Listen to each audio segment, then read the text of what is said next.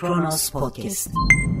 Muhtemel tabii felaketin yol açabileceği yıkım öngörülerek yapılaşmanın buna göre gerçekleştirilmesi gerektiği ve akarsuların rejimini değiştirecek tasarrufların çevresel etkiler doğuracağının bilindiği ama iş işten geçtikten sonra 3 bakanın bir kepçede enkaz kaldırma çalışmalarına katıldığı ülke Türkiye. 25 Ağustos 2020 Salı tarihli yorum seçkisiyle Kronos Podcast yayınından merhaba. Independent Türkçe'den Hakan Gülseven'in yazısıyla başlıyoruz. Doğal felaketlerin ekonomi politiği. Tarım arazilerine bina yapılmaması için çekilmiş bilinçlendirme maksatlı kamu spotunu herkes görmüştür. O kamu spotunu izlerken her seferinde beni bir gülme alıyor. Tarım arazilerine bina yapılmamasını söyleyen ve kamu spotunu yayınlatan devlet müessesesi tarım arazilerine yapılan binalara ruhsatı veren müessesenin ta kendisi. Üstelik konu vatandaşın tarım arazilerine bina yapmasıyla sınırlı değil. Sadece İstanbul'la İzmir arasında yapılan otoyol güzergahında kesilen zeytin ağacı sayısı 700 bindi. Otoyolları inşa ederken güzergahlar tarım hiç dikkate alınmadan belirleniyor. Şimdi daimi bir polemik kaynağı haline gelen Kanal İstanbul projesi de vahim bir anti tarım proje. Kanal İstanbul'un inşa edilmesi halinde bölgedeki verimli tarım arazileri yok olacak. Kanal İstanbul'un etki alanının %78,83'ünün farklı niteliklere sahip tarım arazilerinden oluştuğu ve bu alanın 101 milyon 973 bin 360 metrekareye denk geldiği söyleniyor. Kanal İstanbul projesinin yapılamayacağını, yaşadığımız ekonomik felaket sürecinde buna finansman sağlanmasının mümkün olmadığını düşünüyorum ama yeni bir projenin tarım arazilerini gözeterek yapılması gereğini kimsenin dikkate almaması tuhaf değil mi? Ayrıca Marmara Denizi'ndeki canlı yaşamının bu projeyle büyük ölçüde tahrip olacağı vurgulanıyor. İstanbul'u büyütecek bir proje daha da büyüyecek İstanbul'un gıda temin alanlarını dikkate almadan kurgulanabilir mi? Bizde böyle oluyor bu işler. Giresun'daki sel felaketinde de aynı zihniyet sorununun etkili olduğu görülüyor. Dere yataklarına yapılan evlere ruhsat nasıl verildi? Bu bir vaka. Öte yandan en çok zarar gören bölgelerin hemen yukarılarında doğal denge hiçe sayılarak ruhsat verilen hidroelektrik santralleri bulunuyor.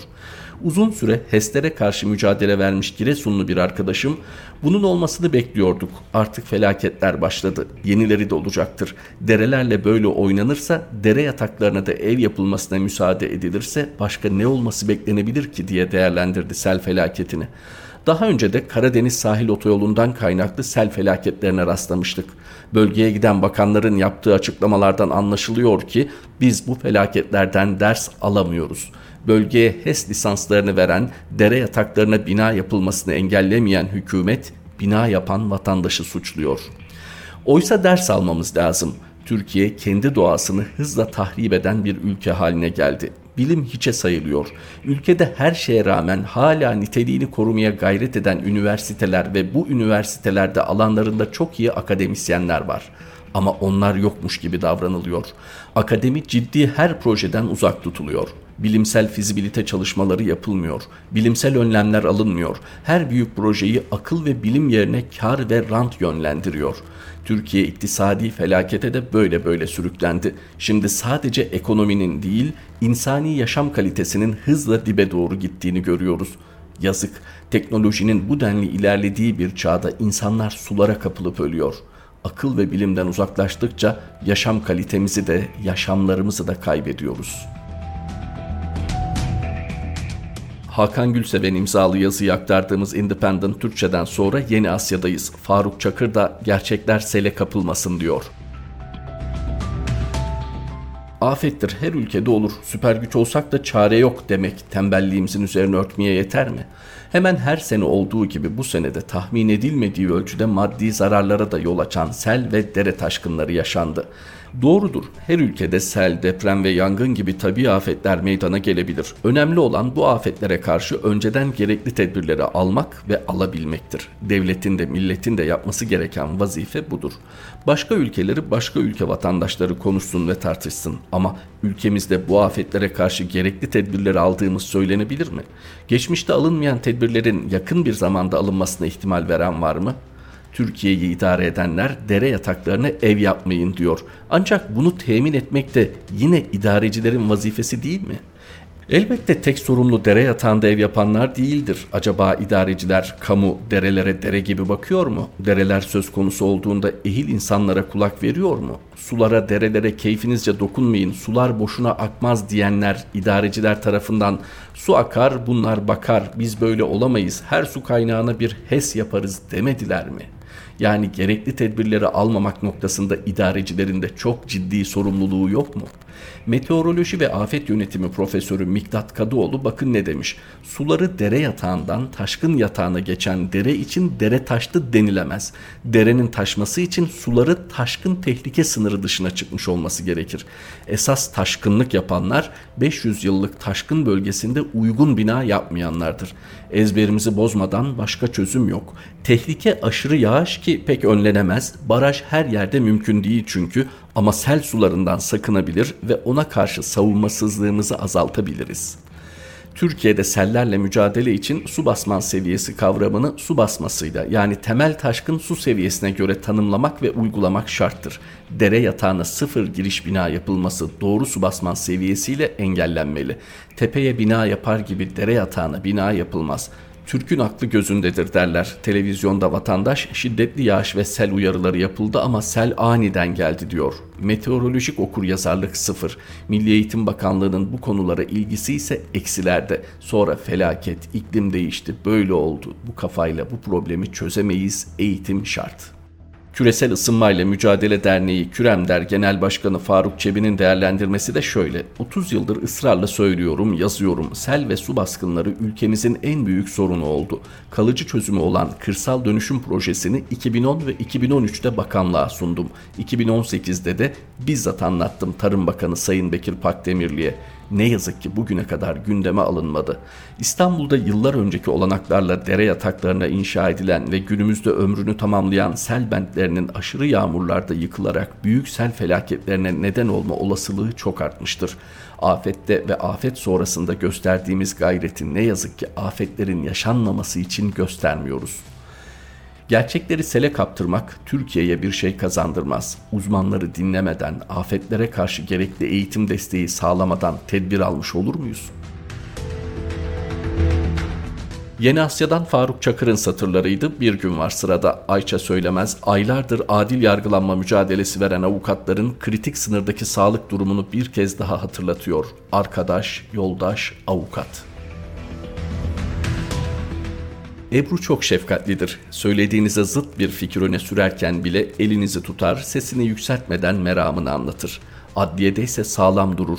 Görünce avukatım olsun dersiniz. Sadece siyasi savunmada değil, hukuki savunmada da mahkeme önünde başınıza eğmeyeceği konusunda ona güvenebilirsiniz. Avukatların çoğu gibi hakim önünde el pençe divan durmaz. Ceza hukukunda birçok meşhur avukattan bilgilidir.'' Pazar akşamı sosyal medyada Ebru ölüyor acil tahliye etiketini yazmak bu sebeplerle bazılarımız için daha zordu. Mahkum koğuşunda tutulan avukatlar Ebru Timtik 236, Aytaç Ünsal 203 gündür aç. Penceresi açılmayan, floresan ışığı 24 saat kapatılmayan havasız odalarda, kapısındaki küçük bölmeden 24 saat jandarma ve polisin gözetlediği odalarda ölüm orucundalar.'' Ebru 33 kiloya düştü. Boğazındaki yaralar yüzünden su içemiyor, konuşamıyor, hareket edemiyor. Çağdaş Hukukçular Derneği'nin açıklamasına göre sadece dakikaları kaldı. Adli Tıp Kurumu doktorları da dahil onları muayene eden tüm doktorlar hapishanede tutuklu kalamayacaklarına, hayati tehlikeleri olduğuna karar verdi. Ama Aytaç'ın tutulduğu odada gözetleme penceresinden bakan gardiyanın zor yürüyor müdürüm ardından bakan jandarmanın da çok tehlikeli aşamada görünmüyor komutanım şeklindeki teşhisleri devlet katında daha muteber. Aytaç da Ebru da bilinçlerini kaybetseler dahi besin veya takviye müdahalesinde bulunulmaması için doktorlara yazılı ve sözlü beyanda bulundu. Ancak bir emniyet müdürünün Aytaç'ın annesi Nermin Ünsal'a söylediği bakanın talimatı var müdahale edilecek sözü karar merciğinin doktorlar olmadığını gösteriyor.'' İki avukatın durumuyla Adalet veya Sağlık değil İçişleri Bakanlığı ilgileniyor. Dolayısıyla bu ilgi odalarının kapısı önünde yemek olarak tezahür ediyor. 17 Ağustos 2020 Pazartesi gecesi saat 23.30 sularında uyumak için hazırlanıyordum. Son volta yatmaya başlayacaktım. Bir anda içeriye yoğun bir yağ kokusu doldu. Sesler duymaya başladım. Ayağa kalkıp neler oluyor diye baktığımda gözetleme camında oturan iki askerin suratıma baka baka ekmek arası döner ya da köfte yediğini gördüm. Onların arkasında kapının hemen önünde yine çok rahatlıkla görebildiğim bir yerde rütbeli de dahil olmak üzere 5-6 asker aynı şekilde ekmek arası döner ya da köfte yiyordu.'' Bir gece sonra aynı saatlerde benzer bir olay daha yaşandı. Henüz yeni yatmıştım. Jandarmalar dakikalarca kaç kilo çiğ köftenin kendilerine yeteceğini tartıştılar. Sonra topluca kapının önünde çiğ köftelerini yediler. Aytaç'ın mektubundan. Anayasa Mahkemesi de devlete desteğini şu kararıyla gösterdi. Sadece tahliyelerine karar verilmemiş olması nedeniyle yaşamlarına ya da maddi veya manevi bütünlüklerine yönelik ciddi bir tehlikenin ortaya çıktığına dair bilgi ya da bulgunun olmadığı anlaşılmıştır. Oysa iki avukat adil yargılanmak gibi gayet kanuna uygun bir taleple ölüm orucunda. Sorun belki de Yargıtay'ın tek bir tahliye kararıyla çözülebilir. Ama Yargıtay, Ebru'nun mahkumiyetine delil gösterilen ifadenin sahibi olan tanığın sanrılar görüyorum, psikolojim bozuk, beyanlarımı dikkate almayın dilekçesini bile göz ardı ediyor. Dünyanın gözü önünde hukukun sahibinin kim olduğunun yeni bir öyküsü daha yazılıyor.'' Ayça Söylemez'in yazısını aktardığımız bir günden Biyanet'e geçiyoruz. Algı ve gerçek arasındaki fark gösteri dünyasında bir başarı getirebilir ama sağlık sektöründe öyle değil. Mehmet Baltalı politik inanç virüsün de önünde diyor. The Lancet dünyanın en itibarlı tıp dergilerinin başında geliyor. Yayınlanan yazıların tümü kanıtlanmış bilimsel verilere dayanıyor. Derginin son sayısında Türk Toraks Derneği adına yollanmış bir bilimsel mektup var. Yazının içeriği ise pandemi sürecinde Türkiye'de yaşananlar. Yazıda Sağlık Bakanlığı'nın ilk Covid-19 vakaları geç bildirdiği, vakaların büyük bir kısmının İran ve Suudi Arabistan kaynaklı olduğunun genetik analizlerle kanıtlandığı ifade ediliyor. Bunun ötesinde Covid-19 nedeniyle bildirilen resmi ölüm sayılarının gerçeklerle bağdaşmadığı, Sağlık Bakanlığı'nın pandeminin ilk günlerindeki şeffaf tutumunu yitirdiği, bilimsel çalışmaları izne bağlayıp engellediğini, bunun da Türkiye Cumhuriyeti Anayasasına aykırı olduğunu yazmışlar. Çoğu insan yazılanların büyük kısmının gazetelerde ve sosyal medyada yazılmış olanlar olduğunu düşünebilir. Bu yazının farkı ise çoklukla dedikodu olarak değerlendirilmiş olan tüm bunların bilimsel verilerle kanıtlanmış olması. Kısaca anlatmak gerekirse 1. Covid-19 virüsünün 75 binin üzerinde hastadaki genetik kodları bir veri tabanında toplanmış durumda. Virüs Wuhan'daki ilk vakadan beri şu ana kadar en az 55 adedi Türkiye'de olmak üzere çok sayıda mutasyon geçirmiş. Buna bağlı olarak da virüsün genetik kodu değişmiş ve değişiyor. Bunlara dayanarak bir hastadaki virüsün ne kadar ölümcül olduğu, hastalığın kime ne zaman bulaştığı, nereden kaynaklandığını söylemek mümkün. Buna göre Türkiye'de ilk ve çoğu vakaların resmi bildirinin çok öncesinde ortaya çıktığı ve kaynağının İran ve Suudi Arabistan olduğu kesinleşmiş durumda.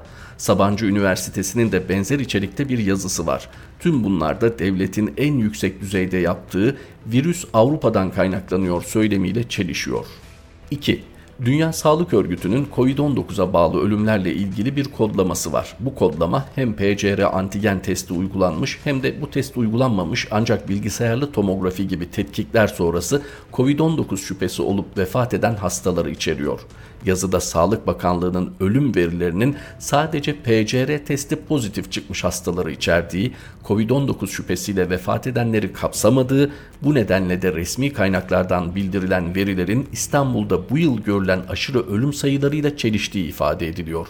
Bu da yazarlara göre gerçekte yaşanan COVID-19'a bağlı hastalık ve ölüm oranlarının resmi rakamların çok üstünde olduğunun bir göstergesi.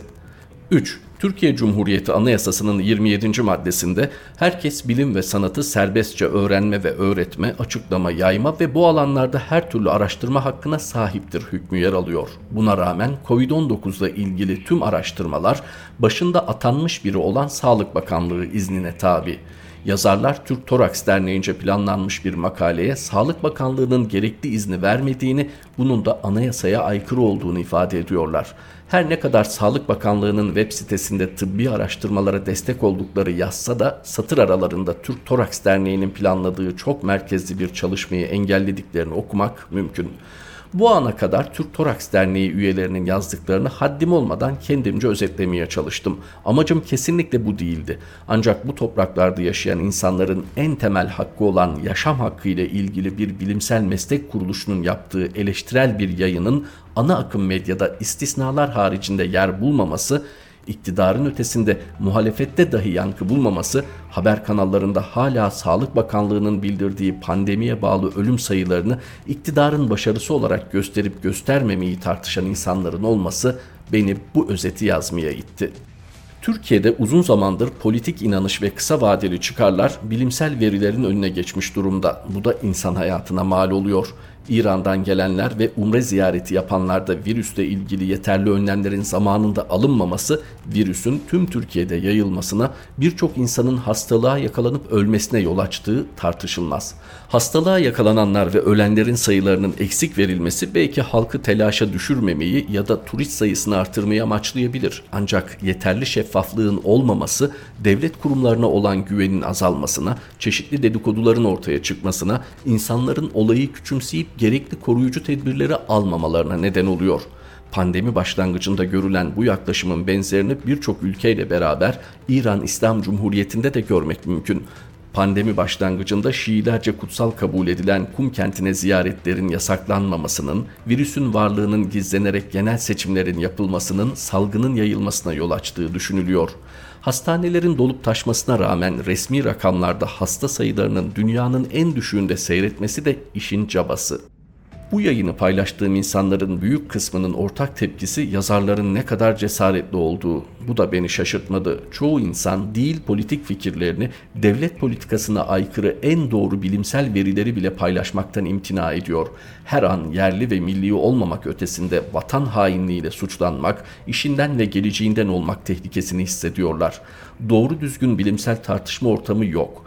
Covid-19 tedavisinde uygulanması tartışmalı olan hidroklorokinle ilgili çıkmış onlarca üst düzey bilimsel çalışma dururken devletin resmi ajansının Kübalı bir doktorla röportaj yapması bunun en basit örneği.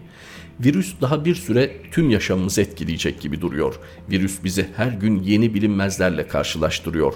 Okullarda çocuklarımızın göreceği eğitimin şeklinden yoğun bakımlarımızın doluluk oranına, hastalıktan korunma yöntemlerinden yaşlılarımızın sağlığına ve insanlarımızın işe geri dönmesine kadar önümüzde birçok problem var bu sorunların en az zararla atlatılması da devlet kurumlarının ellerindeki bilgileri doğru ve şeffaf olarak paylaşmasına, problemlerin tüm katmanlarla tartışılacağı bir ortam hazırlanmasına bağlı. Mehmet Baltalı'nın yazısıydı. Biyanet'ten sonra Dünya Gazetesi'ndeyiz. Şeref Oğuz, ekonominin yalın gerçeği üretime dikkat çekiyor. Davalar acılar içinde doğar, refah içinde ölür. Davalar acılar içinde doğar, refah içinde ölür. Bu söz Bilge Kral olarak da bilinen eski Bosna Hersek Cumhurbaşkanı Aliye İzzet Begoviç'e ait. Aslında İbni Haldun'dan Begoviç'e uzanan tarih sürecinde konforun toplumları çürüttüğüne dair tarihi gerçeğin bilgece ifadesi.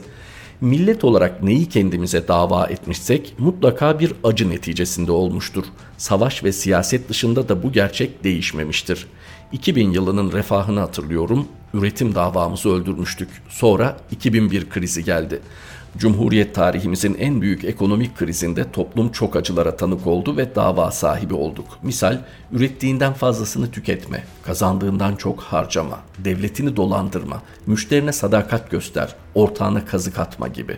Acıların doğurduğu bu davalara sadık kaldık ve krizden çıkıverdik. Bugün o davaları unutup yeniden 2000 yılının gafletine gömüldük. Ürettiğimizden fazlasını tükettik, ithalat patladı. Kazandığımızdan fazlasını harcadık, borca battık. Üretimden vazgeçtik, dolu dizgin tüketen olduk. Ucuz krediyle altına dövize koştuk ve üretim davasını öldürdük. Üretim bana göre bağımsızlık davasıdır. Dışa bağımlılığı azaltacak en önemli davamız budur. Eğer ekonominin krizde olduğu acı gerçeğini kabul etmezsek üretimi yeniden dava haline getiremeyiz.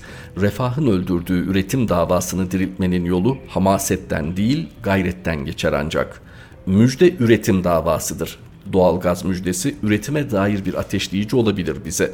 Aksi halde müjdenin refah vaadiyle daha da uyuşur, acılarımızdan kurtulamayız. Zira ekonominin en büyük davası üretmektir. Refahsa çürütenidir.'' Dünya Gazetesi'nden aktardığımız Şeref Oğuz imzalı satırlar bu birlikteliğimizdeki son paylaşımımızdı. Mehmet Şahin yeni yorum seçkimizde Kronos Podcast yayınında tekrar buluşmak üzere. Hoşçakalın. Kronos Podcast